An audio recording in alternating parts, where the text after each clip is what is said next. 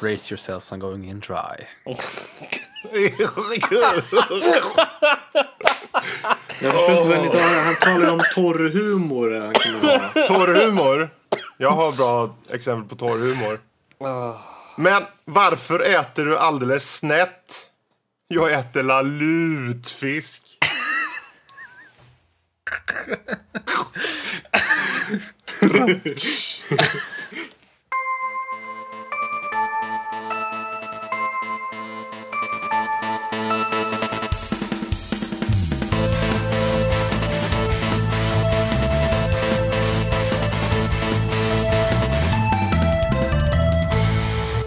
och välkommen till Nördliv, en podcast om eh, spel och nörderi av alla dess slag. Eh, dagens datum är 2017-06-29 eh, och det är avsnitt 126. Mitt namn är Karl, det är jag som ska vara er värd även detta avsnitt och med mig idag så har jag Max, Rob och Fredrik. Välkomna, välkomna. Thank you, thank you. Det är väldigt trevligt att vara här. Ja, vad snällt att du är här kom Rob, att du kunde ta dig en tid att komma hit. Jag tycker om Max. Han bara... Ja, han är ju en mård. Så. Max, Max är en speciell individ. De säger det. Jag är väldigt, väldigt Max. Mård. Det ska bli ditt nya namn. Max Mård. Det, lå, det låter som eh, en, eh, en, s- en någon, eh, någon form av anime-attack eller någon sån här Max Mård! Han laddar upp sin Max Mård alltså. ja, precis. Det är någon sån här Han mecka, kallar- äh, meck-serie. Han laddar upp sin Max Mård-attack. Ja. Han eh, alstrar eh, energin från eh, skogens alla gnagare. Gnuggar dem mot huvudet. Ja, ja. Det ballar ur. Så som det ska. det var aldrig på. Vi, vi var aldrig på väg någonstans. Vi, vi bara spårade ur direkt. Det här var det spåret det, som vi valde. Liksom. det finns inget spår. Nej. Det, Då får väl jag ta ansvar som värd och styra in oss på, på rätt spår där helt enkelt. Då. Vi Ska du säga precis, att de inte kan sköta tågen ordentligt? Ja, jo, så är det. Så är det. Eh, men jag rapporterar ju från de småländska skogarna här nu för tiden. Eller ja, just nu då. Så jag sitter bara med en liten eh, sketen laptop här. Och i och med det så har man ju tvingats att, hitta någonting som är lite lättare att köra då. Och eh, då, så nu var det ju Steam-rean här då, då tittade vi på vad, vad fanns det för, för, för roliga spel som inte är så krävande. Och då hittade jag den här gamla, gamla guldkornet, den gamla pärlan, Return to Castle Wolfenstein, som jag har nämnt. Jag tror att jag nämnt det otroligt många gånger att jag har spelat det, speciellt i så här senaste så här, specialavsnitt och i andra tillfällen när man har pratat om histori, spelhistorik och vad, vad, vad det nu må vara. Liksom. Eh, så att jag plockade ner det och eh, körde igång. Och, och eh, det roliga var ju att jag kunde första banan ut och in fortfarande. Hittade alla hemligheter och gick runt och, och smög runt och visste för typ vad alla vakter skulle vara och fortfarande. Så det, det, det sitter i alltså, det sitter i. Men Vänta, du, vänta, vänta, Ja, vänta. du, du körde väl aldrig det här när det kom antar jag? Eh, Eller? ska vi se, när kom det? här? 2001, 2001? vill jag säga. Och det var inte så långt ifrån alltså. Nej, För det, det okej. var, ehm, jag kan inte sätta exakt år, men det var min pappa som körde det här. Han körde lite multiplayer på det också. Mm, Den här uh, Enemy Territory multiplayer-delen. Ja, just det. Men eh, Ehm, 2001 Karl, du var ju typ Så tre. att jag vill påstå att det, det var i de krokarna, låt oss säga 2003 kanske, 2004. Något Mm. i den stilen. Ja. Så att, eh, jo då, jo då. Eh, Det, jag spelade när, när, när det var aktuellt så att säga. Vä vänta lite, 2003, hur gammal var du då? Eh, ja, alltså, måste ha varit typ- Sju eller åtta. Ja, och du sitter och spelar Ca- Return to Castle Wolfenstein. Ja. I don't see any problem in that. Nej, jag tänkte säga, jag har spelat värre. ja. Jag spelade Ja, nej, där jag då tänker också. mest liksom när man är sju år gammal så kanske man borde spela någonting som är mindre. Ja, jag spelade Mario vid sidan om också om du tycker det får det att må bättre också. så Det är att- nästan värre. Jag har ingen aning om hur du räknar på det här. Anywho. Anywho, vad, vad ska man berätta om det? Det här är ju ett, eh, ett singelplayer-spel. Man springer runt som eh, titel, den eh, BJ Blazkowicz är tillbaka igen. Han har återkom för, för vad blir det nu? En tredje gång är det väl den här gången om jag minns The rätt. third coming Ja, of BJ Blazkowicz. ja. Okej. Okay. ja, alltså, om man ska få lägga upp premissen då, så att, alltså, de, de säger ju det, det finns massa, så här, te, så här, vad, vad heter det, flavor text i spelet. Man ska eh, kontakta någon eh, så här, informatör som har information om en så här, vad fan är det heter, SS, eh, jag tror det heter så SS Paranormal Division eller något sånt där. Något sånt där.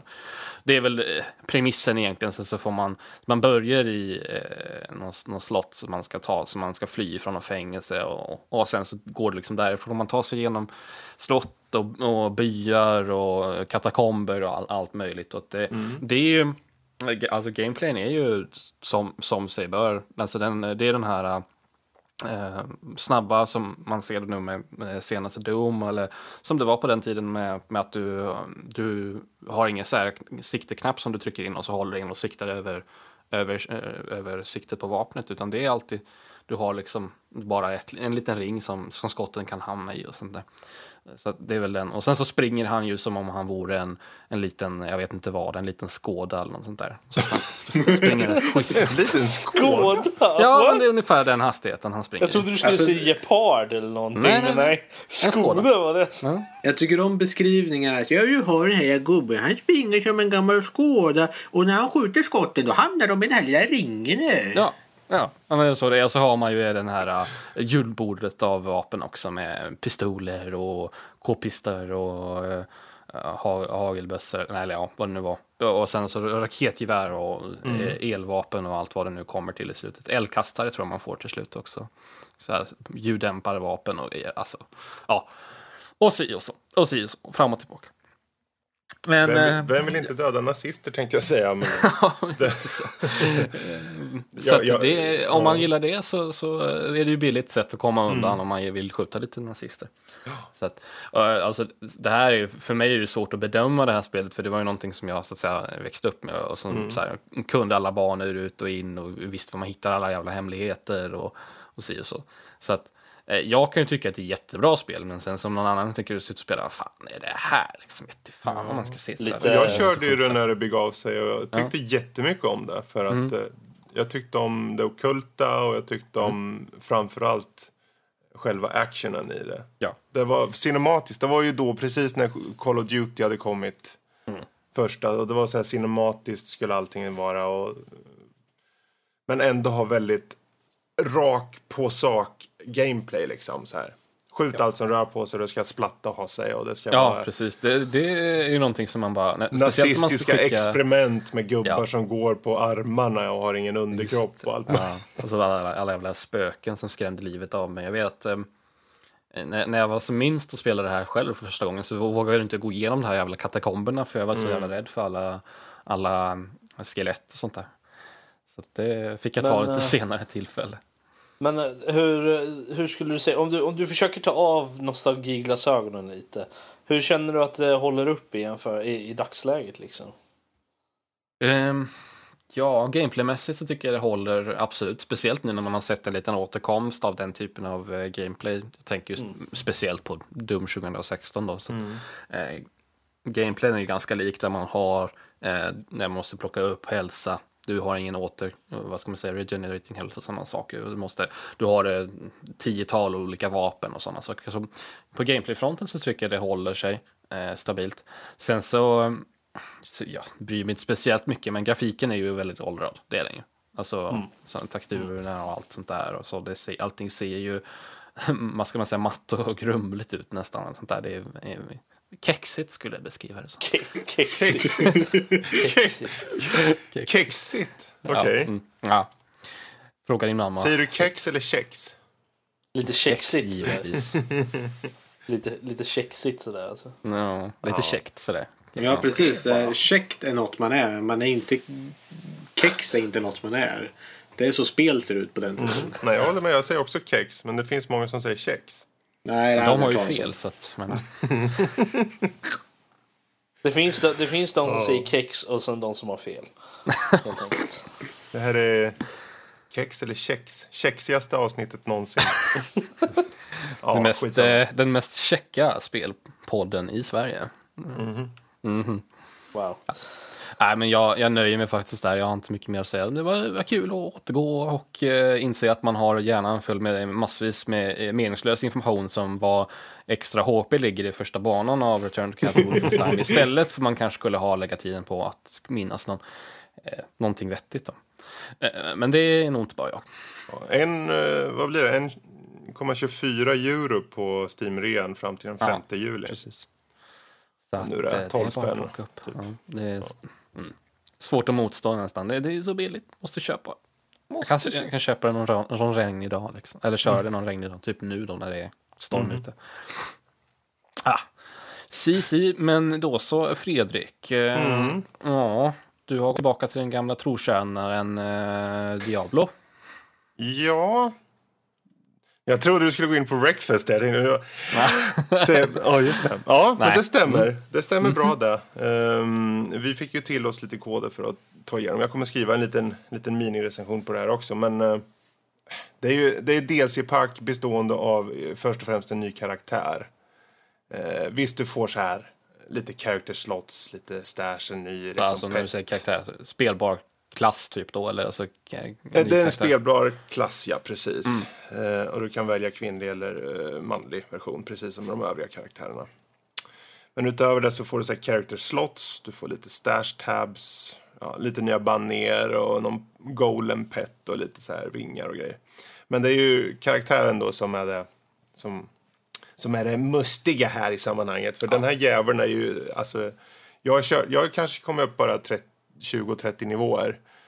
Men jag, jag fattar inte Blizzard hur de kan lyckas sälja in gubbar på grund av ljudeffekter och slafs.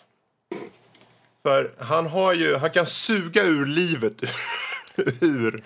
Han Ur sina motståndare. Vad är, vad är, vad är ljudeffekten? Är det Han drar det som att du vet så här, så här mer så här. Han drar ur livet liksom på dem. Men det är bara en av dem. Han kan skicka upp så här klo-liknande saker från marken och han kan framförallt är den stora grejen att han kan använda alla lik. För med den här karaktären så sp- sparas folks lik på marken. Annars skulle de försvinna med alla. Om du har en annan karaktär så kommer, ser de, ligger de inte kvar liksom. Men då ligger de kvar och du kan använda liken Antingen som, ja, vad fan, jag spränger liket här, boom, och så dör alla runt omkring den. Eller så tar du och använder och framkallar golems eller eh, skelett eller vad som helst. Du kan ha en hel armé. Jag tror jag sprang runt med 7, 8, nästan 9, 10 stycken sådana här skelett med pilbågar som och sprang. Och då samtidigt körde med Danny och han hade också den karaktären. Så det var 20 stycken bakom oss. Vi kom, det var värsta possit. Så här, helt- Nu jävlar ska ni få smaka spö era jävlar. En helt vanlig onsdagskväll i Örebro alltså. Nekromantikhuvudstaden. Nekromantikhuvudstaden nummer ett. Örebro. Jag, jag föreställer mig bara liksom så här fiendens serie komma och säga ja men, ja men det är bara två snubbar liksom, det är bara att ta ner dem. Det, de verkar ju inte ha några speciellt armor eller vapen och sånt där. Liksom, ja. Och sen eh, så när de kommer bara aha, så här, försöker ta dem så här. Så kommer de närmare och så ser de alla zombies kommer efteråt så här. Ja. Nej, jag Jag måste, trodde de var på vår sida.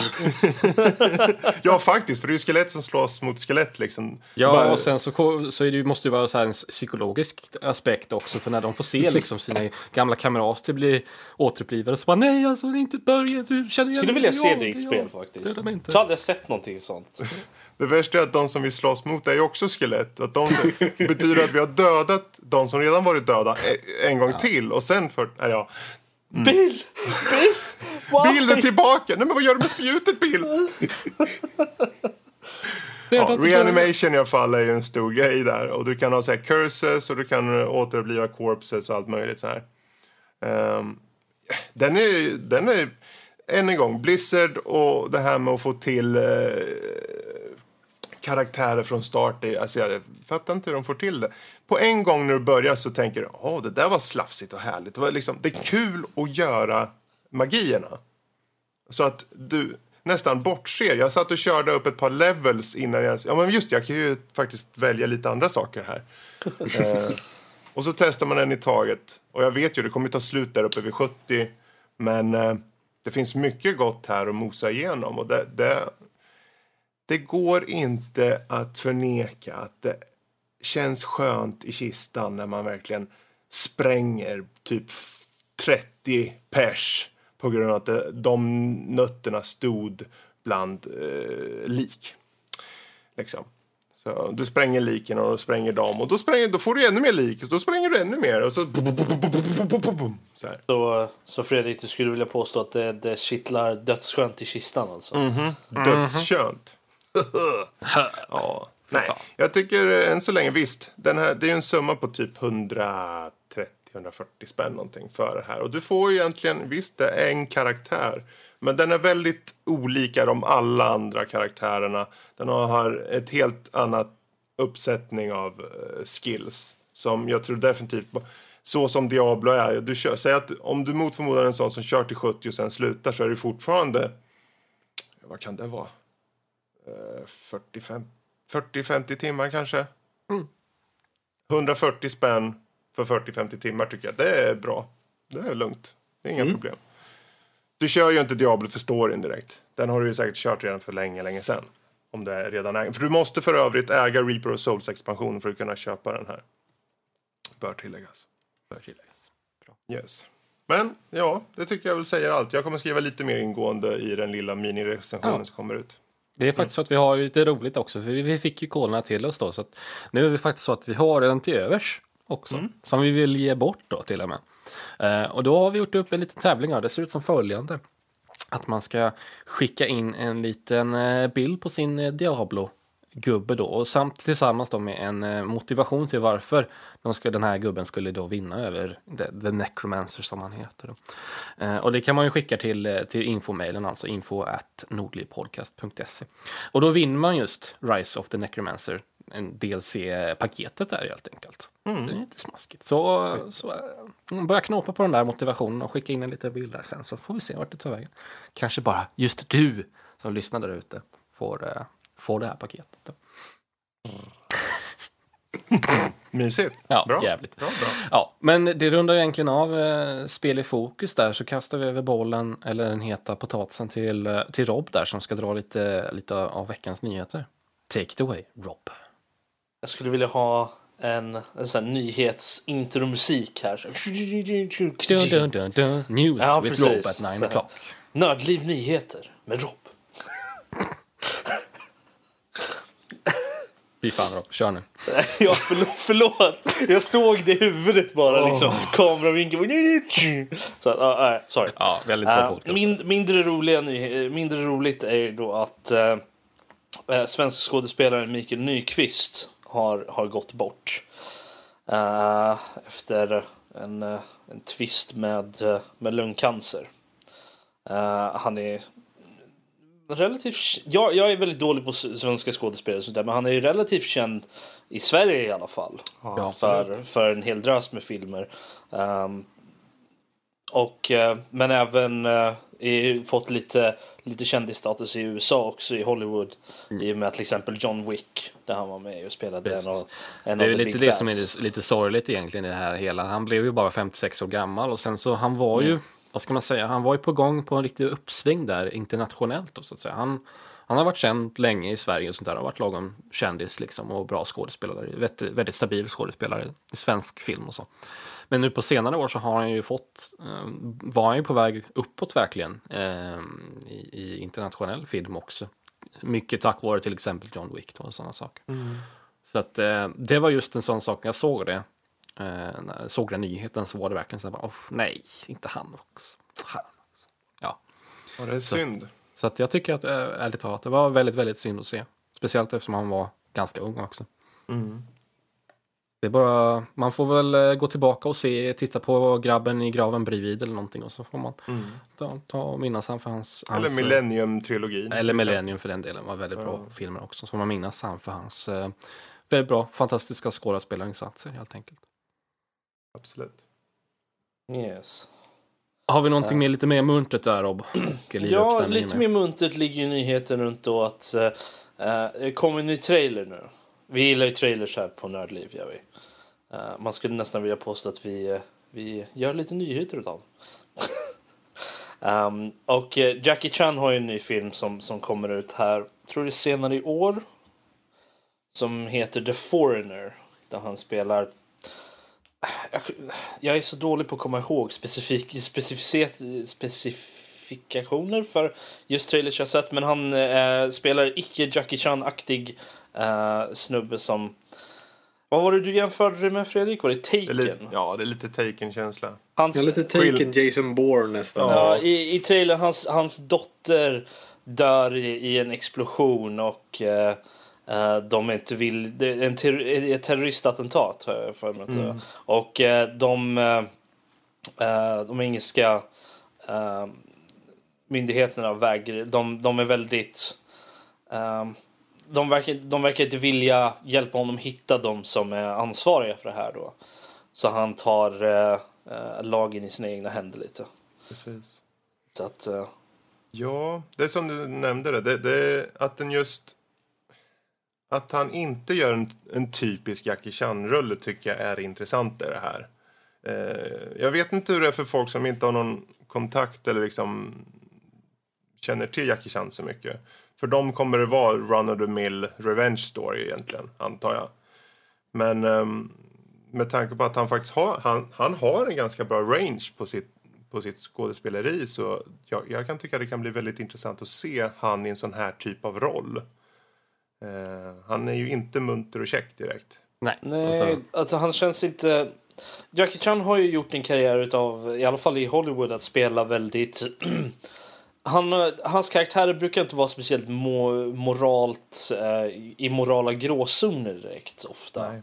Utan han Precis. brukar vara the good guy liksom. Han är, och han har ju, jag tror han har sagt det, gått, på, gått ut och sagt faktiskt att han vill spela good guys. Liksom. Det, Det, är stämmer där- helt. Stämmer Ja, helt. Han, han- har ju det- gått ut och sagt exakt det. Att han, Ja. han vill helst, för han har mycket publik och han är ju, han var ju, papp, han är ju pappa själv så att säga. Ja. Eh, Så han vill ju ha så, role model-roller liksom. Ja. Det är därför jag känner liksom att den här rollen känns väldigt udda för honom. Just på grund av hans tidigare stans liksom, på, på sina roller och så. För det, den känns ju väldigt mycket som eh, jag vill inte fortsätta jämföra till Taken men just den typen av karaktär ändå. Som Ja. är väldigt moralt ambiguous jag, liksom. kan, jag kan ju hålla med om det. Alltså, att det känns ju som en, en, en väldigt standard, standard eh, actionrulle. Liksom, I alla fall med premissen och upplägget om man säger så. Någon eh, gammal gubbe som tar lagen i sina e- egna händer liksom, och kör Fast, med den. fast jag känner inte att, eh, nu, nu vill jag bara säga det. Jag, jag känner att den första Taken-filmen är fortfarande väldigt, väldigt bra. Den är Och- sjukt bra. Och den är ändå relativt unik i, i liksom sitt upplägg på det sättet. Alltså det, det är ju klichéer hit och dit och det, det finns ju, man kan säkert poängtera till ett dussintal filmer som, ja men den är nästan som den här. Men den är ju ändå unik i sitt slag på Det det, jag sättet. tänkte säga var alltså, mm, man får undra över om han kan göra det något nytt, något unikt av det. Eller som man säger, om han kommer falla in i den här mallen. något sätt, om man kommer kunna addera till, till, till mallen på något sätt om man säger så. Då. Eh, Det är väl det som jag funderar på om man säger så. Jag, jag är intresserad av eh, konceptet just det, det att han är, en, han är ju en äldre man. Liksom, som, hans dotter dog i den här explosionen då. Och det känns inte som han har ingenting att förlora i den här i, i, i premissen av filmen.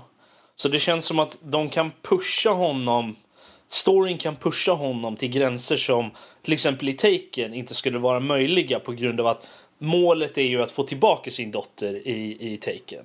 Men här så är hans, hans dotter är ju redan borta så här är han ju bara ute efter själva hämnden liksom. Han vill, ju, han vill ju få fram vilka som är mördarna liksom. Deras identiteter. Det är där han liksom, så tydligt i trailern bara, I want to know who they are liksom. Ja men precis. Så att, Men det verkar ju inte vara i, i, i någon form av han är ju ute efter någon form av personlig hämnd. Liksom. Inte, Absolut. inte det att han vill liksom visa upp dem för liksom, sända dem, skicka dem till myndigheterna liksom, och fängsla Han in vill ju dem. ta ut dem. Ja, men Ja, det är lite precis. John Wick Men det är det jag menar liksom, ingen- Ja, precis. Jag tänkte nämna John Wick, att det kan ju vara lite inspirerat därifrån också. Kan- den är populär. Man kan ju se det som en blandning mellan John Wick och Taken på ett sätt. Liksom, med, med att ehm, han har ju ingenting att förlora direkt. Nej, han har ingenting, det- ingenting direkt att vinna heller förutom någon slags personlig liksom Jo, intern... men vad, jag eh, menar på, vad jag menar på är att det finns en möjlighet att han kan dö i akten. Om man säger så. Ja, ja, du tänker så ja. Mm. Ja, det, fin- det finns möjlighet. Det, det är det som gör. Jag tror inte det kommer hända, men det, att möjligheten finns där just på grund av att han inte har någonting kvar.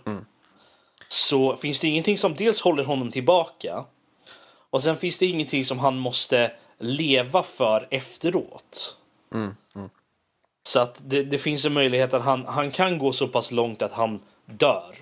Liksom. Så länge han, får, han klarar av sitt mål. Liksom. Uh, Ja. jag vet inte Och sen så tänkte jag också, han är ju, jag kollade upp det nu, han är ju fan 63 år gammal också nu. Den gubben, han har några på nacken. Så frågan är ju hur, hur det kommer se ut med actionbitarna där, om han, om han fortfarande orkar göra stigningen distans. Känner man honom rätt så, så förmodligen så lär han väl göra det. Han har ju varit ganska, ganska envis med de sakerna tidigare. Så jag kan väl tänka mig att han kommer försöka ge sig på det i alla fall. Vilket i sin tur förhoppningsvis kommer då leda till en eh, en eh, väldigt bra film, alltså eh, rent actionmässigt där, där man ser allting klart och tydligt och inte en massa konstiga klipp och skakig kamera och sånt där. Precis. Så att eh, det är också någonting Det har ju no- precis, det har ju några fördelar. Du har ju regissören Martin Campbell som gjorde Casino Royale. Mm. eh, Som är helt klart den absolut bästa James Bond-filmen genom tiderna. Jag säger det för jag vill se om jag Ja, blir okej. Jo, jag visste, jag visste det. Jag visste det. Eh, men den är, ju- han gjorde också Goldeneye, men den är inte lika bra. Eh, det är de enda. Men han, han har i alla fall överlag, han har gjort några skitfilmer också. Men överlag har han gjort ganska bra filmer och han är en så här stabil regissör som när han får sin vilja igenom gör oftast en väldigt bra film. Så där tillsammans med Jackie Chan och Pierce Brosnan tillbaka igen, också i filmen så Goldeneye, där har vi en liten touch av det. Eh, jag tycker det verkar intressant överlag just skådespelarmässigt och eh, vilka som står bakom så att säga.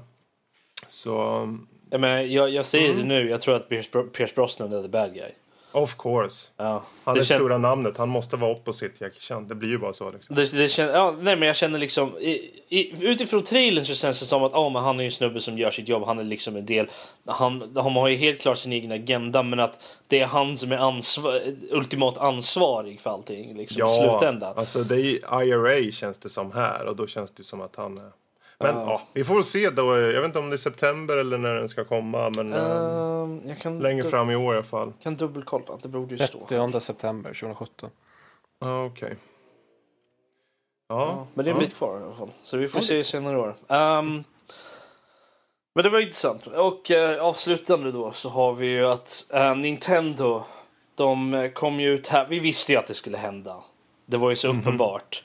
Att de, släpp, de kommer ju släppa nu i september, i slutet på september så släpper de SNES Classic. Så precis som med eh, NES Classic så, så hette den det? Den hette NES Classic va? Jag kommer inte ihåg. Jag tror det. Den här Ja, lilla... näst, näst Classic ja. Mm. NES Classic, ja precis. Så, så kommer det då vara en, en liten version av eh, Super Nintendo med eh, 21 spel inbyggda i den redan. Den stora skillnaden är ju dels att det är SNES, vilket är ju, vi alla vet, den bästa av konsolerna. Eh, och... eh, Försökte du också... Jag försökte också någon, eller? hinta lite jag där. försökte se, Du jag försöker fick- trigga någon eller? Jag försökte se, för jag, för jag, jag är ganska säker på att du Fredrik har spelat NES va, för länge sedan. Ja, ja, men SNES då mycket högre. SNES är ju bättre. Ja, jag nej. helt. Eh, hade Danny varit här kanske hade varit en annan sak. Då men, kanske... No. ja, jag vet inte, men i alla fall att det, det, jag tycker att det är den bästa av de två i alla fall. Mm. Tycker jag. Eh, men det är för att jag har en bättre connection med just den. Ehm, eh, och eh, den andra är då att det, det kommer med två stycken uh, handkontroller till den. De, är på, de är ungefär 5 cm lång sladd på båda också. Ja, eller hur? Om det är någonting som tidigare. Så. Jag tycker, jag tycker det är lite tråkigt dock. Utifrån bilden som de har visat upp så är det den amerikanska versionen av Super Ja, den med Nintendo. lila knappar. Och... Ja, den där väldigt rektangulära, väldigt kantiga versionen. Jag tyckte aldrig om den. Jag föredrog den som dels är den japanska Famicom-versionen, Super Famicom-versionen och den europeiska, vilket är den rundade med lite mer, den är lite mer färggrann och lite sådär. Um, det är väl en bias kanske från min sida bara för eftersom det var den som jag växte upp med. Men ehm, Mm, men det är ju som sagt det, det stora problemet här egentligen det är ju 21 spel. ja, det Det är, är ju liksom, lite va, snålt. det var, när jag såg det då tänkte jag vad, då, det, då är det ingen mening med det längre. Alltså jag vet inte, det är ju en hel drös bra spel här. Vi har ju, Du får ju ett nytt spel också. Ja Star precis. Fox 2. Ja, jag har ju Ja, aldrig jo, den släppt- finns ju inte få tag på på annat sätt. Det har du rätt i Fredrik. Helt rätt. Det hör För jag. de- för-. För de som är intresserade, spelen är Contra 3, Uh, The Alien Wars. Du Donkey ska Kong inte gå igenom 21 spel nu? Jag tänkte ta några av de highlights bara. All jag right. vet att många gillar Contra. Eh, jag har aldrig spelat det själv. Donkey Kong Country, Final Fantasy 3, um, Legend of Zelda, sex. Men ja. Legend of Zelda Link to the Past, Secret of Mana, eller Mana om man vill vara så. Mina, det var nytt. Ja. Ja, jag vet inte. Jag jag har suttit och tittat på massa uh, Dungeons and Dragons och därför säger de olika grejer. Uh, Star Fox 2 som sagt, Street Fighter, Super Mario, tre Super Mario-spel, Super Metroid liksom. Så, här, så det, det är en hel drös med utöver Eh, det är ju 21 spel utav, och så är det utöver de spel som jag nämnde så är det en hel drös. Det finns att hitta en hel lista med det där om man vill gå och leta. Um, men det är, jag känner att 21 spel, det är ändå helt okej. Det är inte några små spel för er Adam. Jag menar, Final Fantasy 3, A Link to the Past, liksom. Det är, de är ju inte så här, och Secret of Mana, de är ju inte så här små spel direkt. Är de ju inte. Så att, Ja, det hade varit värre om det varit så här 21 obskyra spel. Man bara, vad fan är det här? vad, jag inte, vad jag inte förstår är varför de inte har med Chrono Trigger för. De kanske tycker det är skit. Det är inte sant för fem öre. Hur, hur vet du att de inte tycker det? Va? Det är ju ett av de Jag mest sa- kända spel ju. Det är ju ett av de mest kända Jag sa att spelen. de typ. kanske tycker det är skit. Ja, fast jag tror inte... Ja, ja jag har svårt. Hashtag triggered. Ja, lite, lite trigger där. Jag känner att nu, nu är du bara ute Jag förstod inte bara, men det, det går inte Nej, att göra does så. not compute. Funkar Of course inte. it does. Ja, nej, men jag, jag, känner att det, jag känner att det är lite konstigt att de inte har Chrono Trigger. Jag, jag, tror, jag tror de flesta som är någon form av så här Super Nintendo-freak bara, men varför är inte det här spelet med? Och så alla säger typ varsitt olika spel. Jo, jo, nej, men Ja, det är men som sagt, självklart. 21 Det- spel, det är begränsat. Ja, jag önskar att de hade någon form av, av grej att man kunde liksom... Att, att det kommer fler spel senare. Jag skulle ha haft med Mario All-Stars. Lika gärna. Det var det spelet jag växte upp med faktiskt. Mm. All-Stars. Så man får med allting liksom på en. Ja, Kanske blir det lite overkill. Det har ju Men tänk, tänk om de la med Mario All-Stars och sen så räknade de det som typ fem spel. ja, eller hur? Ja, det skulle inte förvåna mig. Fast då kan de ju lika bara slänga in de fem spelen liksom. I... Hur som helst, är det bra eller dåligt det här tycker jag? Alltså jag gillar det. Alltså ja, det funkar väl. Det är väl kul att du kan koppla in det på ett modernt sätt. Men så Ja. hoppas på större sladd. Besviken över antal spel. Det är min Ja, summering. typ som förra med NES Classic då.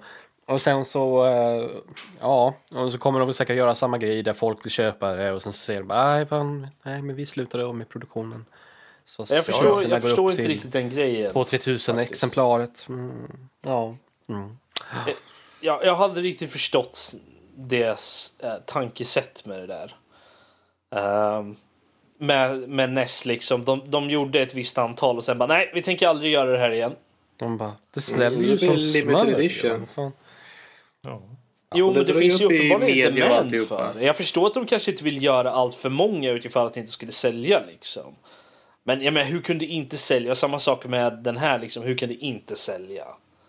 Ja, det är ju fullbokat överallt. Så. Ja, precis. Så Och det är ju liksom bara att säga det, liksom, få den media attention att säga att ja men det är fullt överallt. Men det får ju att det här är jätteeftertraktat och då blir det ju mer det blir ju mer hype kring det om man säger om det är svårt att få tag på. För då blir det de här att ja, men jag behövde ingen till att ja, men jag måste ha en. jo, men mitt problem är ju fortfarande att de bara gör ett limited amount liksom. Och sen så Jo men de, de tjänar, de får ju ett sånt jäkla rykte på det först. Jag tror Ja. Danny sa att de skulle dock göra mer av den här versionen än de skulle göra av SNE- eh, NES. Ja, det tror det jag nog hoppas jag. säkert. Men eh, sen är ju frågan om de kommer fortsätta, om de kommer ta det tillbaka sen när de har sålt ut det. Ehm, men ja, vi får se. Deras, jag läste någonstans att deras eh, stock och allt sånt där var ju typ högre än det har varit de senaste 11 åren Nintendo. Så att, eh, Så att det är ju, höjer ju sånt också. ja precis, så de ligger ju monetärt så ligger de ju jävligt bra till i dagsläget. Jaha, blir det en Nintendo 64 nästa år då eller? Ja, eller hur? Alltså jag, jag, skulle, jag skulle tycka det var också. intressant. Men alltså, varför inte liksom? Mitt problem är varför inte bara göra en konsol liksom. De, ja, de har den här grejen liksom. Åh, den är pytteliten och bla bla liksom. Ja, ja, men varför inte göra den lagom stor så du faktiskt kan sätta in de gamla spelen i den? Det finns redan sådana. Men eh, Ja. de är ju, ja, third party då givetvis. Men, Jo, men det är det men jag menar också Ja, liksom men, att... men då, det skulle man inte tjäna pengar på.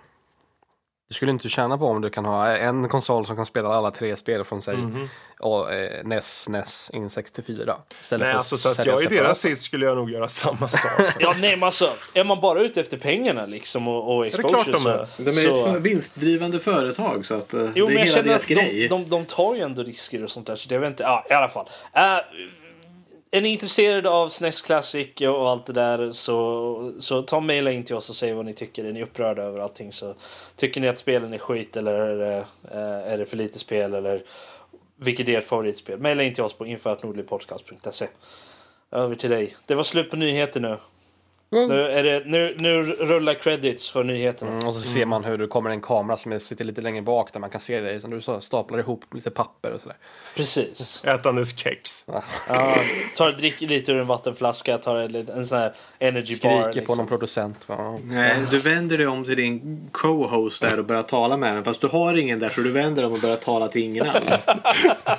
Och så dämpas belysningen och man sitter och pratar Ja, vidare och precis. skrattar Åh. Anyway, över Anyways. till dig Karl. Tack så mycket. Tack så mycket. Då, eh, det för oss in på, på veckans diskussioner då. Denna vecka är väldigt kort och gott är eh, andrahandsmarknad för digitala spel? Frågetecken. Och det är inte Nej. mer ex expanderat än så. Max säger bestämt nej, kommer aldrig hända. Vi kan lägga ner den. Okej, bra. Men då är går det övriga på... nördämne nu eller? Ja, det tycker jag. Va? Va? Ja, nej, jag sa nej. Det är klart. Gå vidare. Vad fan? Kan han göra Nej. så? Vänta, vänta. sta- Stanna. Kan, kan han göra Fred, så? Fredrik har för, förberett i typ två veckor för den här. Ja, och nu är Max bara nej.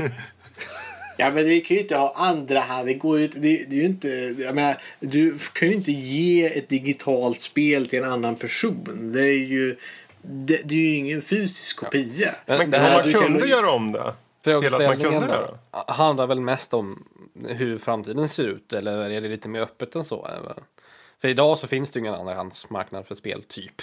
Det man... Alltså jag, jag tänker att du, du, du kan ju inte... Jag, jag tänker typ som på Steam. Där du har en... eh, Visst, du kan köpa ett spel till dig själv och du kan ge det som en gåva till en annan. Och du kan ju ha ett spel i ditt inventory om man kallar det där på Steam. Som du sen liksom kan ge bort. Men spel som du faktiskt har köpt till dig själv som du har spelat kan du ju inte packa ihop till ditt inventory och skicka över till en kompis. Men finns det något sätt att koda så att man skulle kunna göra det? Ja, jag känner det. Alltså, ja, ja, som sagt med allt det här så finns ju det. Det är bara liksom en, eh, en accessgräns som säger att Steam säger att du inte kan göra så här. De har bara inte tillåtit det i Det programmet. finns ju redan en marknad uppbyggd. Det finns ju redan en infrastruktur, eller vad man vill kalla det, i form av community market med små prylar och grejer då när man kan ha sälja så. Så att det man skulle få göra då i så fall är väl att, att eh, man får man får ge bort, alltså om man säljer ett spel då så försvinner det ur biblioteket. Ja, fall. samma sak som du svär, sväljer. samma sak som du, som du säljer kort. eh, Som du får av att spela på Steam. De, de, har ju, de har ju som sagt som Carl säger där, det här marketplace redan där du har. Du ser vad det har sålts för. Och så. Men jag tror det skulle ju skada Steams försäljning Ja, men då gör de som att de, om, om vi tar Steam som exempel så gör de likadant som de har på marketen där de får en, en, en liten bråkdel av priset, äh, av, av pengarna. Liksom. Ja, Ja, jag menar, men varför ska de få en bråkdel av de pengarna om personen skulle köpa ett nytt spel istället för fullpris? så jag, vet, jag, jag känner att de får väl ta och hosta upp Cedric-nyckeln bara. Alltså, de tjänar ju redan skitmycket på att när man säljer och köper eh, de här community eh, eh, grejerna som är vad, det kan vara, skins till CS till exempel. Där får de ju, jag kommer inte ihåg procenten men det är, det är inte jättemycket men det är en liten plutt sådär. Ja, men det genereras ju liksom fr- utifrån ingenting. För Ja. de förlorar ju eh, på marketplacen de grejerna som man tjänar in-game. Eh, och så säljer du dem till någon annan. Det är ju saker som bara du har låst upp om man säger från ingenting. Det är ju inte något som har kostat spelet någonting. Så jag, På sätt och vis. jag, jag känner att det, det, en, det enda sättet jag kan se att Steam skulle göra så här är ju att de skulle dels så tar de en, en viss summa från när man, eh, eh, man säljer spelet. Man kan inte välja själv vad spelet ska kosta. Utan det är baserat på någon form av formel liksom. Så att det är typ, jag vet inte, 75% av originalet. Eller nå, något sånt, där, beroende på hur gammalt det är. Antar jag. Ehm, och eh, dels att man inte kan eh, sälja typ DLC och sådana grejer. För, eh, för då har du ju dels att du har, då får de ju inkomsten för ett spel som kanske den här andra personen inte har köpt, hade köpt annars. Då Det är får- ju där frågan ligger att skulle de ha köpt det annars? För De har ju redan kommer liksom... liksom- och skit hela tiden och då köper ju folk spel som de aldrig skulle ha köpt annars. Då har de ju redan dragit ner på priset. Det här är ju nog en inkomst som de kan få under resten av året. Jag tänker ju, för de har ju så här på när du köper prylar som du kanske vill byta sen och så. Så är det ju oftast en tidsperiod innan du kan göra det. Mm. Eh, det ska, om, nu tar vi Steam återigen som exempel. Om de nu, så att du köper ett spel. Det kanske, du kanske inte kan sälja av det förrän eh, typ ett år senare då. Om vi säger Ja, så då. de, har ju redan här att du, du kan eh, skicka, att du lämnar tillbaka spelet inom citattecken. Ja, det är ju en refund ja. Ja, en refund att game. sälja och, att, och, men om man kunde möjliggöra att man kunde sälja vidare, antingen att det slussas via ett, ens förråd eller att det slussas via direkt till en annan spelare. Och så kanske du har någon form av Paypal-liknande lösning där spelet går, pengarna går. I mitthanden så emellan där så är Steam också och får en hacka av även den summan och sen så går det vidare till exempel. men som sagt, jag tror, jag tror inte att... Jag tror att enda sättet är att de, de kan, du kan inte sätta ditt egna pris på spelet. Nej, det, det bestämmer nog Steam i så Ja, fall. för då, då kommer det ju vara någon form av formulering. Kostar spelet 100 spänn så kommer du som max kunna sälja det för kanske 75 eller något sånt där. Förstår jag? Eller beroende på liksom vad, hur gammalt det är eller och, och liksom är det ett nytt spel liksom så kan du inte sälja det för 10 spänn liksom. Det går inte. Um, Såvida jag tänker då för 10 om man kunde köpa ut sitt spel på något sätt. Tänker jag. Att man kunde köpa ut. Ja men jag köper ut. Och det, det låter dumt när jag säger det. Jag vet, vänta. Men om man köper ut sitt spel. Säg att du, du köper spelet X och säger ja men nu köper jag ut det så att det hamnar istället för att vara i ditt bibliotek så hamnar det i ditt förråd istället. Mm. Och sen då vad du gör med den det är helt upp till dig. Du kanske vill uh, byta trada den mot någonting. Du kanske Mm. vill, som många gör också, gifta. Och med giftning så kan du till exempel ta via sajter som Kingwin eller sådana här sajter då. Och på det sättet kan du egentligen tjäna in det. Då kan du sälja dem på en andrahandsmarknad alltså. Mm. Och då får du ju sätta ett pris som för, förmodligen sätter sig över det priset du fick köpa ut det för då. Jag tror att ehm, i sånt fall så måste de ju ha någon form av tidsbegränsning i så fall. För annars kommer man se jättemycket folk som har köpt liksom spelet på Steam och sen köpt ut det direkt. Och sen säljer det vidare för ett högre pris. Nu, om vi bortser från Steam här ett tag. Jag tänker just för Steam är ju ändå, om det är någon som tänker digitala köp, tänker man ju Steam liksom på PC. Så.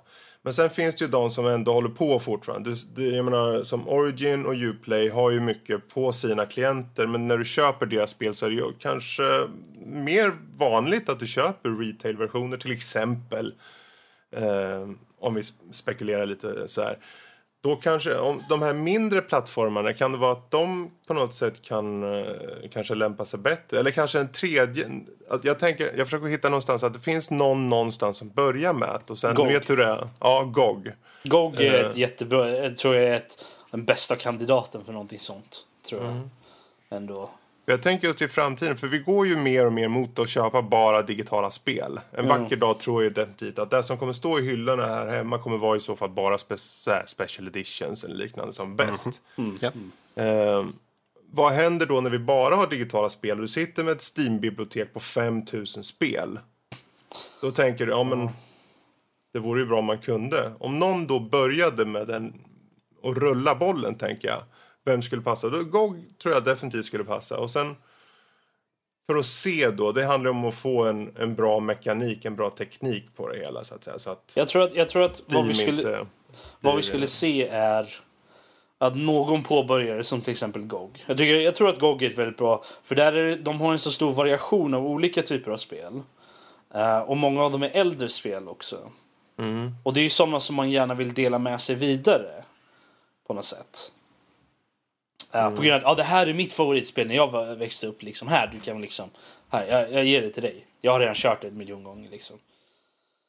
Ehm, och eh, jag kan se dem börja med någonting rudimentärt liksom. Att okej, vi kör så här och sen när det börjar plocka upp Steam ehm, så, så tar Steam och, och liksom perfekterar det på något sätt. Att de är de som gör det stort. När, för att det finns en push för det. Och en marknad för det. Mm. Jag, det är vad jag kan se att de, de skulle göra i så fall. Men det är, det är som du säger, det behöver att någon börjar i alla fall. Ja.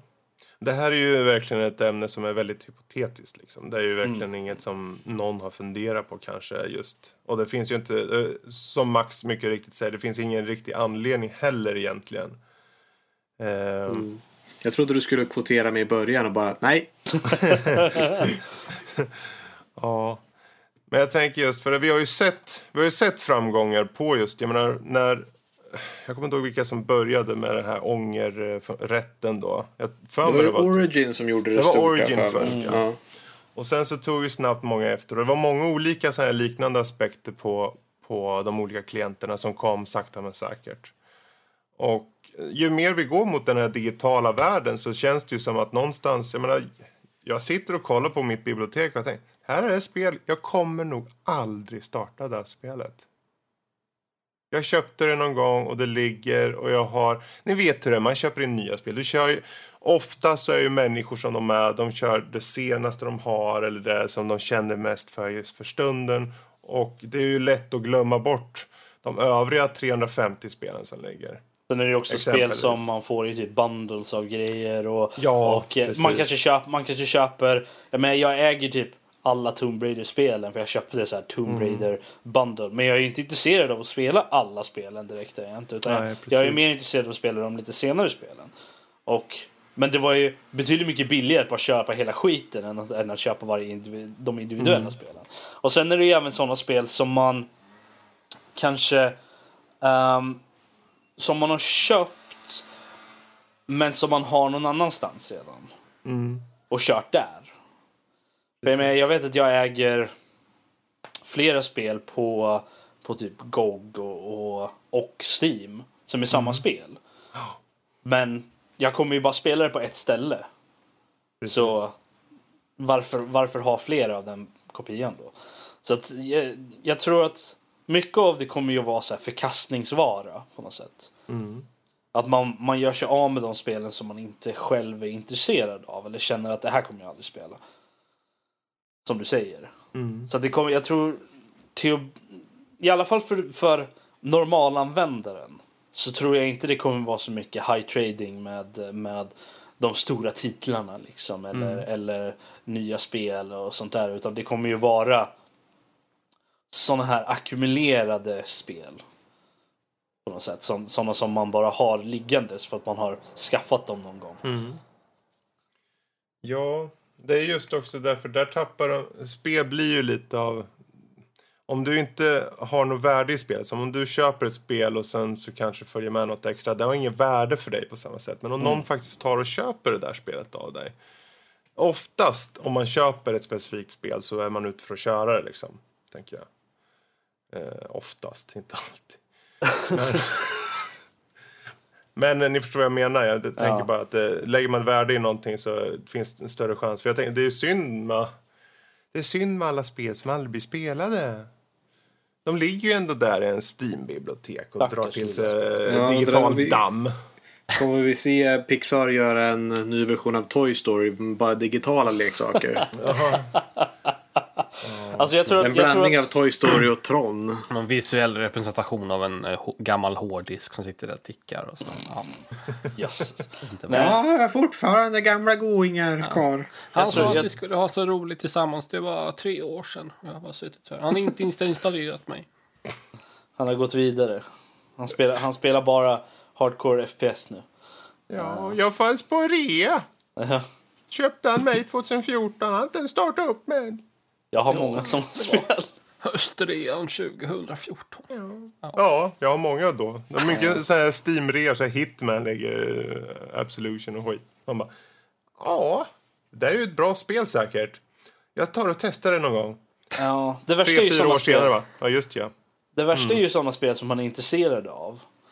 Och sen så, men man känner inte att man har tid att spela dem för att det kommer en massa nya spel som man vill spela ännu mer. Ja, men så, jag så, äger- när fan ska jag ha tid att spela Witcher 3? Ja, men precis, jag äger ju både Witcher 1 och Witcher 2 som Nej, jag ska det- spela, som jag vill spela någon gång. Är du färdig med Factorio då kan du spela Witcher 3 Max. Nej, då ska jag börja jobba igen. Då är semestern slut. Men om vi, om vi går tillbaka till en mer seriös not. Ehm, Mhm. Jag vet, jag vet, okej, jag vet. Men jag tror att de stora, det stora problemet, förutom de tekniska grejerna och villigheten, är ju det att det kommer ju bli en pushback från eh, förläggare och, och spelskapare och sånt där. Precis som vi har sett med eh, fysiska andrahands eh, eh, försäljning och sånt. Andrahandsmarknad. För det, har ju, det, det var ju ett par år sedan då det var väldigt stora nyheter och mycket uppror angående just andrahandsvara och, och Ja. att sälja, sälja, begagn, sälja vidare spel. Alltså Distributörer second kom på en massa så här påhitt med så här multiplayer-koder så man bara kunde aktivera multiplayern en gång. Mm. Ja, men det är därifrån vidare, DRM och sånt kommer ifrån också. Det är, det är ju det där. Så att det... Jag tror att det kommer bli... För att det ska gå igenom så måste det på något sätt... Det måste vara en så pass stor push från community och, eh, och så.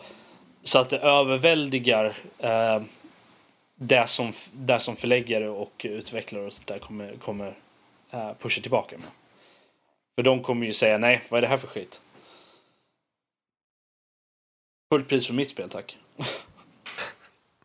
Ja, det kommer ju skapas en mark ett marknadsvärde där. Det styrs av tillgång.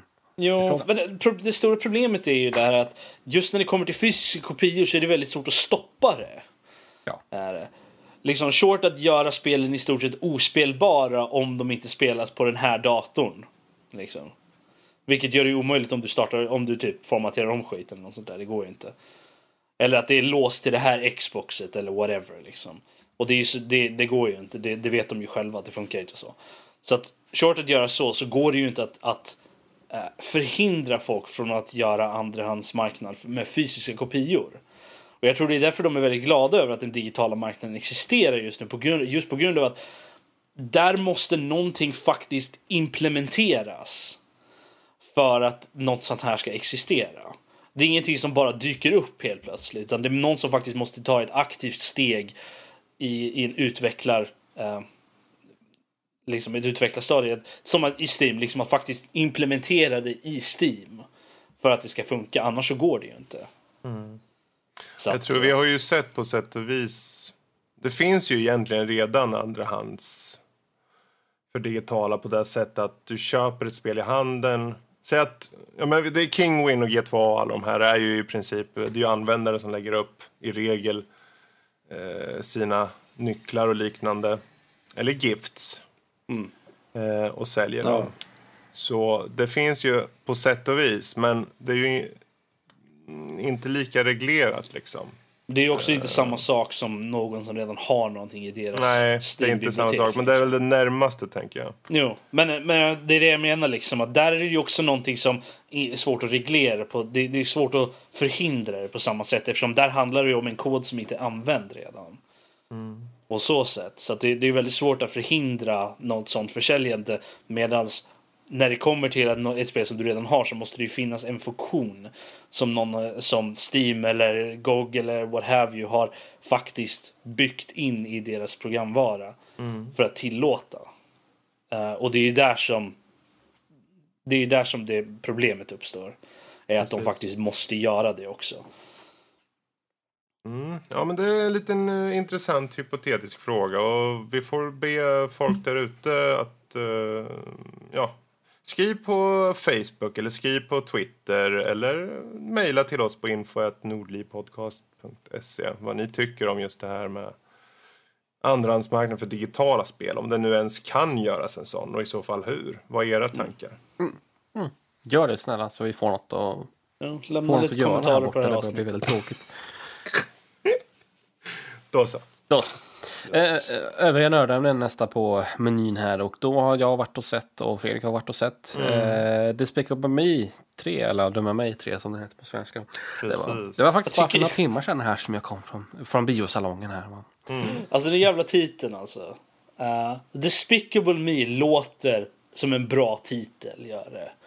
Dumma mig låter det som en låter film som för att det skulle vara någon så här eh, arthouse, liksom så här någon eh, riktig eh, så här persondrama på någon vänster. Men jag vet inte.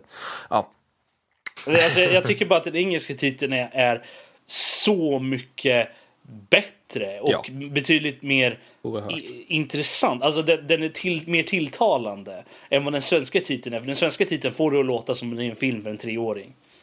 Vilket Vilket? det är. Ja, men alltså det, det, det känns som att den har ingen appeal för någonting annat än en treåring. Förstår jag vad jag Ja. menar? Men om man ska snabbt lägga upp premissen på någon vänster här då. då Det är en, den tredje, eller ja, det, det är del av en franchise nu med Despicable Me och Minions-filmerna. Eh, man har återkommande karaktärerna med Gru och hans, eh, ja vad är det? Är det adoptivbarn? Ja det är det väl. Ja, det är det. Ja. Och hans eh, fru och så vidare och alla minioner och hit och dit. Va? Ehm, och så dyker det upp någon skurk i det här fallet, så är det någon sån här 80-tals eh, spandexnisse som eh, ska sno en diamant. Ja. Allting verkligen dryper 80-tal om Ja, ja, vilket är lite halvgulligt för då får alla föräldrar någonting att göra, någonting att relatera till. Speciellt min pappa som eh, var i min ålder på, på 80-talet. Han hade mycket, mycket roligt åt eh, alla låtar, och 80-talslåtar och referenser med axelkuddar. De är ju till och med dance-off. Ja. Och guitars och eh, ja, mycket lila. Mycket, mycket lila i den här filmen. Mycket lila i filmen. Ja, eh, han ska hämnas på Hollywood eller något sånt där. Och då måste ju en grus stoppa honom. Det, det är väl typ premissen. då. Och sen så får, man ju, får man veta det i trailern med att han har en tvillingbror också. Nej, jag vet, skitsamma. Spoilers i alla fall om någon bryr sig. Eh, Spoilers säger han efter han har sagt det. Fast det är ingen spoiler. Nej. Det, det är premissen. Det är Ja. premissen att han träffar sin eh, ja, tvillingbror och sen teamar de upp. Ja, precis. Och eh, vad tycker vi? Ja, den var väl, den var väl eh, väl ner. popcornunderhållande. Ja. Ja. Den gled väl Eh. ner lite så här. Lite Jag, för jag, vill, jag vill bara fråga. Har ni, sett, har ni båda sett de andra filmerna i serien? Ja, det var länge Ja. sedan men jag har sett dem. Ja. Jag har sett alla. Jag har sett de senaste. Jag har sett Minionerna och tvåan såg jag på bio med ungarna. Ja, jag antog att du hade sett dem Fredrik. Men Ja, okej. eh, eftersom du, du är faktiskt pappa till sånt barn i den åldern. Jag är faktiskt morbror. Så. Ja men ja, ja Nej. inte Ja, det är samma jag också. sak. Det hjälper inte fallet. Nej precis, det, det, ditt argument håller inte upp eh, Carl. In the court of law. Ja. Si, si. Men, Men du, vad tycker vi? vi? Vi tycker ju, jag har för mig vi tyckte ganska lika. Att det, det är någonstans i mitten den här filmen. Ja, den, den känns, ehm, vad ska man kalla det, fabriksproducerad eller vad man vill kalla det. Ehm, Den var inte nödvändig på något sätt. Den uh, tryckte, alltså, run of the mill får man väl Ja. beskriva det som. Alltså, den var väl underhållande för stunden men det var inte någonting som fastnade. Det var inte någonting som så här, utvecklades på något sätt eller så, Nej. sådär. Så. Det, det, jag menar, det som första filmen hade så bra var ju för att han var så, han var så, eg, så ensam i sin värld och han ville vara liksom den bästa superskurken och sen kommer de här barnen då in i bilden och då blir det en helt annan och han vet inte hur han ska ta sig till, ska han ta hand om dem, är han en person för att ta hand om barn? Och det har, den har frågeställningar och de går efter frågeställningarna, de besvarar frågeställningarna liksom. Är han verkligen ond? Vad betyder det att vara ond och sånt här liksom. Men här, den här filmen nuddar på ett par poänger som till exempel hans fru, hon vill bli mamma liksom för barnen men hur blir hon där till fullt ut liksom?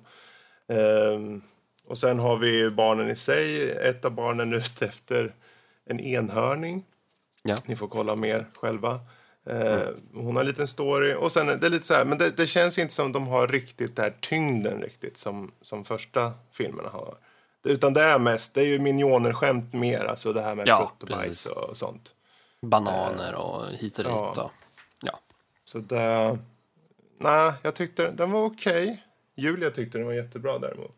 Ja, Men, eh, jag, ty- min jag dotter- frågade men- Arsa, min, min eh, systerdotter, frågade. hon tyckte det var Ja. jätterolig. Eh, Det går Precis. väl absolut hem, men ja, det fanns ju några strösslat i, så fanns det lite vuxenskämt och det fanns ju Mm. mycket, mycket 80-talsreferenser, speciellt i musiken med, med Van Halen och Michael Jackson och Dire Straits Mm. och så vidare. Så det var väl lite halvkul sådär. Men eh, det, det är ingenting som, eh, lite musikreferenser är inte någonting som håller upp en hel film liksom. Så är det. Nej, precis. Det är just det här att de hade bra koncept första och kanske andra filmen. eh, rent känslomässigt. Men eh, nu, är, nu går de bara efter den billiga De tar en billigare väg. Som en Minione var ju, jag tyckte den var ganska dålig faktiskt. Ja, den gav alltså minionerna de funkar väl som, eh, vad ska man kalla det? En bikaraktär. De, de ska vara väldigt som- lite med. Ju mindre de är med, desto roligare är Komisk. de med. eh, Ja, Men De när kan de har en hel stödja en film, hel då film. får, nej, verkligen inte. Eh, Men här var de väldigt lite med, tack Ja. och lov. är helt, eh, ganska lagom. De åker Mm. in i finkan och grejer. Så att det, Precis. ja. Men jag skulle Summa- säga att det, ja, eh, mittenbetyg. typ, Summa någonstans. summarum, mitt, någonstans i mitten, kanske lite under, väldigt blasé sådär. Inte, inte Ja. något speciellt alls. Skulle personen inte rekommendera den att gå och se den. Funkar som barnfilm om man måste gå och titta på film typ imorgon på bio så kan man Mm. ja, och väl underhålla någon unge. Så visst, går det bra. Men inte annars. Vi skickar Danny för att vara vår korrespondent alltså. För det här. Ja, han älskar ju sånt där film. Han är ju Minion... Han är ju Minion-expert. Ja, precis. Kan språket utan till. Precis. Talar språket flytande. Då så, men eh, där rundar av med Dumma mig 3. Men Rob, du har tydligen varit och sett Transformers The Last Night där, stämmer det? Det stämmer väldigt bra du Karl. Tack så mycket. Det var roligare om du sa nej. Ja, eller hur? Nej, jag har inte sett det. Jag vet inte vad du pratar om. då får vi väl avsluta då. så fall. Aldrig sett någon Transformers-film någonsin. jag kände lite så här, jag fick, eh, ehm, jag fick gå och se den på i IMAX 3D. Fick jag. Oh, Vilket jag måste säga att eh, det enda sättet jag vill se filmer på bio från och med nu. Helt ärligt. Det är en sån Filmen upplevelse. visas i ADHD, större bild, högre ljud. Ja, men alltså, jag vet inte, det, det, innan jag går in på filmen så vill jag bara säga det. det är en, har, man inte, har man inte haft chansen att gå på IMAX 3D, så, eller IMAX överhuvudtaget, så känner jag att det, det är värt att göra det en gång i alla fall. För det är en upplevelse faktiskt. Då ska man ju se någon riktig actionrulle typ. typ när, Man ska ju definitivt se Typ någonting som eh, är Star Wars lite mer. i, i vinter, något sånt där, något i den stilen. Då ska man, Mm. det, ska, det är en sån film man ska gå och se på IMAX tycker jag. Då. Finns Ja, men det bara i Stockholm eller finns det andra Jag vet också? inte, jag vet, möjligtvis Göteborg kanske, men jag vet att det, i, i Stockholm så är det Filmstaden Scandinavia som har det, som har IMAX. Eh, För övrigt och- där jag jobbar så ni kan komma förbi och hälsa på om ni vill. på Mall of Scandinavia. Är det? Ah, okay. Ja, ja, ja, ja, ja, men i den byggnaden ja. Där jobbar jag. Ja, jag får, nästa gång jag får komma Herregud, det förbi. är Karl från Dödliv! Vilken tur! Ja, eller hur? Jag have Karl! Eh, eh, nej men, ehm, nej, men så det- det, jag tror att den har nog påverkat min åsikt över de filmer som jag har sett där. Eh, lite för att det är en sån en lite, liten sån upplevelse. Jag har en anekdot angående liknande grej efter jag är klar med Transformers. Uh, Transformers-filmer, jag har inte sett någon Transformers-film. Jag trodde att det hade varit typ 6-7 stycken vid det här laget. Men eh, nej. Jag hade bara missat en film. Tydligen. Ja, man- För man- senast man jag såg ju att- var, vad det nu hette, um, den som kom, den sista med Shia LaBeouf. Eh, Jaha, Eh, tre, tre, Rise. jag kommer inte ihåg det Ja, Rise of the Fallen eller vad nej, det var var tvåan. Nej, jag kommer inte ihåg. De, de, de, de, de går ihop de där Dark side of the moon. Ja, det var tvåan, var det inte det? Nej, Rise of the Fallen var det två. Jag vet whatever. Det spelar inte så stor roll. Han är inte med i den här filmen, de har egentligen ingenting. Alltså, de blev ju osams så det är klart att han inte är med. ja, någonting hände i trean. Jag kommer inte ihåg vad det var för någonting, men det var någonting. i alla fall. Så jag kände liksom att, ja, okej, jag har missat en film och det var, det var Age of Extinction. Med, där de introducerar Mark Wahlbergs karaktär som för övrigt är med Du har i... inte missat något kan jag säga. Jag, jag tog och tittade på den dagen innan jag såg Mm. eh, eh, The Last Night faktiskt. Och det kändes faktiskt som att jag behövde se den för att faktiskt kunna uppskatta, inom citattecken, eh, för att kunna uppskatta eh, Last Night, the, the, heter den Last, last Night? Ja. Du, du pratar om som att du måste ha sett Gudfadern 1 för att uppskatta Gudfadern 2 ungefär. Ja men det är lite så här, de, de bygger på för, den, den förra filmen. Men jag, jag vet inte, alltså, jag, personligen så tycker jag om Mark Wahlbergs karaktär. Jag tycker om hans karaktär, för han bara accepterar att saker pågår. Gör han han bara okej, och så går han liksom. Jag, jag älskar den attityden han har liksom att bara yeah sure. Liksom, han, han, gillar, han tycker inte om det eller något sånt där och han är emot och han har argument angående liksom vissa saker och han är lite uppstudsig och känner att han inte alltid vill vara med men han liksom han bara går med det liksom ändå. När han väl är låst in i, i, i liksom en grej så är det bara okej nu gör vi det här. Så här. Och jag, jag, tycker det är en härlig attityd. Och jag tror att det är en liten behövande attityd för just de här filmerna. Och jag kan ju säga det, det rent av även fast jag säger att man, man jag kände att jag behövde se filmen innan så tycker jag inte att det är ett, ett behov, ett måste eller ett, någonting som jag rekommenderar. Men eh, om man säger så här. The Last Night var bättre än eh, Age of Extinction, tycker jag. Ja, det och, hoppas jag verkligen, för det var nog den sämsta film jag sett på länge. Age of Extinction var typ så 45 minuter för lång. Var den. Den var två timmar och 45 minuter för lång. det var ju så lång filmen var. Ja, precis. Ja, men det är det jag menar. Jag kände att ungefär när halvvägs, halvvägs in i filmen Age of Extinction så, hade jag, så kände jag ja men nu måste den ju vara slut snart. Men nej, det var halva filmen kvar. Fem minuter, fy fan alltså. Vad, vad ska man ens ha en sån lång Transformers-film till? Jag vet inte. Alltså det, hur mycket har... Transformers är med då? Jag vill, nu vill jag det, är mycket många... det är mycket Transformers. Mm. Så de har med de här Dino Transformers också. Okay. Vad de heter. Uh, jag har aldrig varit så jätteinsatt i Transformers. Mm whatever. Din, de heter Dinobots, okej. Okay. Dinobots, så heter de. Och så har de en massa andra grejer, det är skepp som flyger. Kan de också bli bilar? Nej, de blir... Vad kan de bli? De, de blir dinosaurier. Palmträd. Från vad då? Från, från jorden? Vad? Va? De är robotar. De är bara dinosaurier. Är de, bara dinosaurier? de är inte transformers ens. Nej. Förr i tiden så var de där. Så förut så var det liksom. Nu ska ni få lite oh. backstory. Nej, jag vill inte höra. Jag orkar Okej, okay, så här är det. I de här filmerna så är det att de tog. De är robotar vanligtvis. Och sen de är några alien-grejer liksom så här.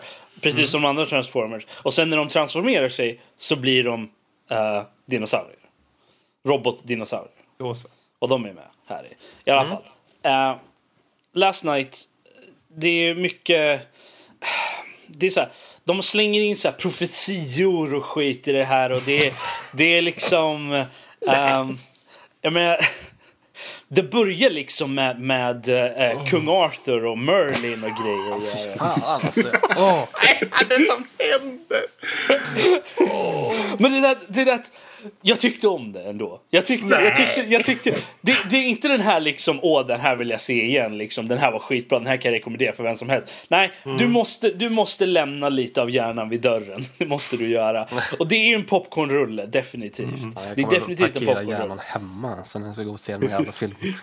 Jag skulle inte, jag, men nu är det så att jag skulle rekommendera att gå och se den i IMAX 3D, faktiskt.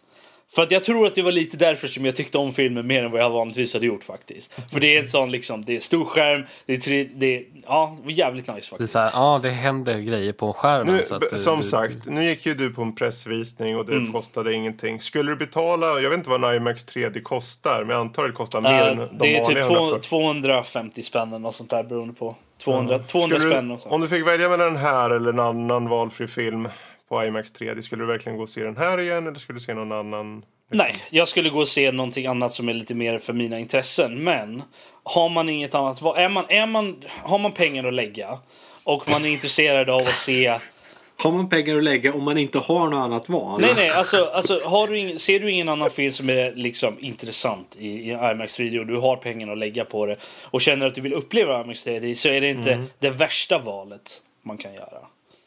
Så kan jag säga i alla fall. Okej. Okay. Om vi bortser från just IMAX 3D då och sånt. Alltså jag tycker storyn vanlig... var lite...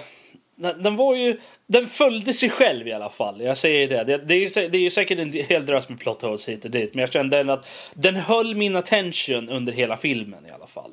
Mm. Det var inte så att jag kände mig uttråkad någonstans under, hela, under filmen som jag gjorde under Age of Extinction. Ah, För där var det ju verkligen så att halvvägs genom filmen så kände jag liksom att okej, okay, är den inte slut snart? Nu känner jag att nu borde det komma. Liksom, för det kändes som att det fanns, fanns ett climax i mitten av filmen som inte mm. behövde vara där och sen var det resten av filmen fortfarande kvar. Och man kände liksom what? Uh, här så var de hade liksom, det bygger upp mot grejer hela tiden. Ja. Sen Men jag lite... tänker, för jag ser på posten här så ser vi Optimus Prime och så står han över Bumblebee. Är det liksom något som händer under hela filmen? Ja, liksom, det var typ de... bästa, det var, det var bästa scenen i filmen var det. Det, det är en scen, jag, ska, jag vill inte spo, ska jag spoila? Jag vet inte. Nej, nej, nej. skippa det. Jag skiter i det. Men i alla fall, det, det är en väldigt... Jag vet inte om jag vågar säga kraftfull scen. uh, Michael Bay ens kapabel till Ja, det regissera är känslomässigt scener? kraftfull scen ändå. eh, Okej. I, ja, har man inte sett någon av de tidigare Transformers-filmerna så kommer det inte spela någon roll för det. det kommer inte, jag tror inte det kommer påverka någon. Men har man sett några av de tidigare filmerna och känner, igen, känner till karaktärerna lite så, så, så tror jag att det har lite vikt i det hela i alla fall. Ehm, men just den, det, det finns en scen mellan, mellan Optimus Prime och Bumblebee som är, den är, den var lätt min favoritscen i filmen. Var det. Eh, och den kommer, mot, den kommer mot slutet och det är en väldigt så här, pivotal moment. Är det ändå. Och Om det är jag- kul, för jag tycker Optimus Prime var ju bra i första, så jag vill se mer av han liksom. Optimus Prime är med i kanske 25% av den här filmen. Uh, Ja, Okej, ja, men det är väl ganska mycket ändå, 25 procent. Det är en Ja. fjärdedel av filmen ändå. med tanke på att han var med i typ 75% av förra filmen. Så. Ja, Och Mm. alla tidigare filmer också. Han, hans roll i den här Eh, För filmen övrigt, är... en IMAX-biljett kostar 215 kronor då. Så att Ja. för, eh, tycker den, de extra kronorna är... eh, Men då ingår, då ingår det 3D-glasögon också. Ja. I det priset. Gör det. Man kan inte välja bort det heller. Men det är ingenting man behöver välja till. bor ni i Skåne och åker upp så kostar det typ 500-600 i bensin. Men det, det löser Ja, sig. nej, men är, man, är man i Stockholm liksom. Men varför och- jämföra med en vanlig bio som kostar vadå 130? Ja, det är ju typ Sådär. 100 spänn mer. Ja. Så att, men i alla fall, nej men alltså. Jag tyckte effekterna var helt okej. De har saktat ner eh, vissa av actionsegmenten när det är Transformer mot Transformers. Och sådär. Så att det är inte den där som, jag, som man hör klagomål på hela tiden, att man inte ser vad som pågår. För att det är liksom så mycket moving parts och sånt när det kommer till Transformers. Utan De har saktat ner det lite. Um, så... eh, så, att, så att det inte är lika mycket, okej, någonting hände. Men man, man ser faktiskt vad, vad, som, vad som hände. Så de har ju tagit in lite feedback i alla fall vad folk har sagt. Så det, det är ju bra tycker jag i alla fall. Eh, positivt. Och eh, sen... jag gillar Mark Wahlbergs karaktär. Jag gör faktiskt det. Jag Du sa han det är- innan också, så Rob, en sista punkt där nu, så runda av den här lilla... Ja, nej, jag, ty- jag tycker hans, hans karaktär har en bra, eh, eh, bra karaktär. Inte för att, sen, men jag känner liksom inte att mäns, människokaraktären i de här filmerna gör inte så jättemycket. Alltså för att påverka resten av storyn. Men här så har de faktiskt en relativ impact ändå. Och eh, det, det finns anledningar till det här med profetior och Merlin och whatever have you. Och det, det, det förklaras i filmen i alla fall. Och det är, inte- det är inte så här vad fucking pratar de om. Drar Utan, Optimus Prime en, en svärd ur en sten. Nej, men det, det handlar om Merlins stav, att den är, den är egentligen en Transformers-grej. Det, är- det är en Transformers, det, det är en Transformers-grej som gör Måste att de han hitta kan... batterierna till hans stav? Nej, de måste hitta staven först. Och det är, den är låst till Mer, Merlins genetiska kod, så det är bara hans ättling som kan använda Jag det. tror fan att det är Det, är, det är en hel grej liksom. Men det, alltså, en hel grej. Är det. ja. It makes sense in the context of the movie. Säkert. På det sättet. Liksom. Ja. Jag tror inte... Att försöka dissekera det utanför filmen är lite så Vad ska man okej, dissekera? Dissekera? Heter det inte det? Jo, men han driver med Ja, jag förstår det. Bör vi gå och se den här? Ska jag gå och se den? Nej. Nej, jag, alltså, Nej. Är, är ni intresserade av Transformers? Tyck, tyckte ni att någon av de tidigare filmerna Jag tyckte var första var okej. Bra, Dock, alltså, jag skulle kanske säga att ta och se den då. Mm. Um, det, jag menar, det är ju en sån här film, det är en popcornrulle. Är det. det är en actionfilm. Storyn är Lite, den, är, den, är ju inte, den är ju front and center men den är lite sekundär Ja. till all action så som det alltid Precis. har varit. Tänk Men- inte för hårt på det så blir det säkert jättebra då. Ja, Så- tänk, tänker man inte allt för hårt så, så, är, det, så, är, den, så, är, så är det faktiskt en helt okej film. Uh, men för, går man in och försöker liksom så här analysera så här. filmen och sån grejer då är det Finns, då, det, finns det Transformers-lore för den så här nya, de nya Transformers-filmerna? Jag tror det. Men alltså de, de, håll, de hänger ihop alla fem som har kommit ut. Tydligen. Ja. Och jag Nej, nu- tycker, nej, jag nu- tycker de ändrar grejer hela tiden. Men i alla fall. Men, i alla fall. Så att, Skiter eh, vi i Transformers The Last Night. Jag orkar inte höra mer. ja. Gå och se Men- den om ni kan. Om ni Nej, tycker att det är intressant. Va? Vi skulle ju inte se den så. Men du, du, jag menar, de som inte tycker om, som har sett det kanske tidigare och inte tyckt om det, gå inte och se det. Det kommer inte ändra er Okej. uppfattning. Ja. Har ni inte sett någon tidigare Transformers-film, ni kan gå och se den, men förvänta er inte något mästerverk direkt. Nej. Det är en actionrulle, det är där det är. Gå och se Wonder Woman istället för guds skull. Ja, Ja, ja, nej men självklart. bra film. Eh, I alla fall, eh, ja, då rundar vi av över den här. Men tack så mycket Rob. Eh, mycket fint. Det var jättekul. Ja. Nej, men idag så har vi inga lyssnarfrågor, men jag ville bara påminna om, om tävlingen igen då, Rise, om, kring Rise of the Necromancer. Eh, Så att skicka in en bild på din, din gubbe tillsammans med motivation till varför eh, du skulle slå den necromancer. Eller gubben rättare sagt. Och så kan man vinna en kod till, eh, till DLCn då. Så. Mm. Så, eh, och det kan vara bra att nämna också att tävlingen tar slut nästa fredag, vilket blir vad då? Nu får ni säga så att jag har Det rätt är här. den Sjunde, sjunde, Sjunde juli. i Klockan sjunde. 19. Ja, 19 till och med. Ah, noggrant här. Art nog Det är svensk tid då. Precis. Inte norsk. För, framförallt inte mongoliansk tid heller. Eh, Men... för, för att runda av. Fy fan. Ja, nej, nu, nu skiter vi i det här. Jag går hem nu. Jag tackar för, för att ni lyssnar. Gå in och på iTunes, eh, Twitter, skicka tweets till oss. Eh, maila oss info.nordlypodcast.se. Gå in på hemsidan nördliv.se. Kolla på våra recensioner. Ehm, och jag tackar för mig. Jag heter Karl och ni får ha det så bra. Tjingeling. Hej då. Hej då! Jag ska äta kex nu. Inte kex då. Jo, kex. Hashtag triggered.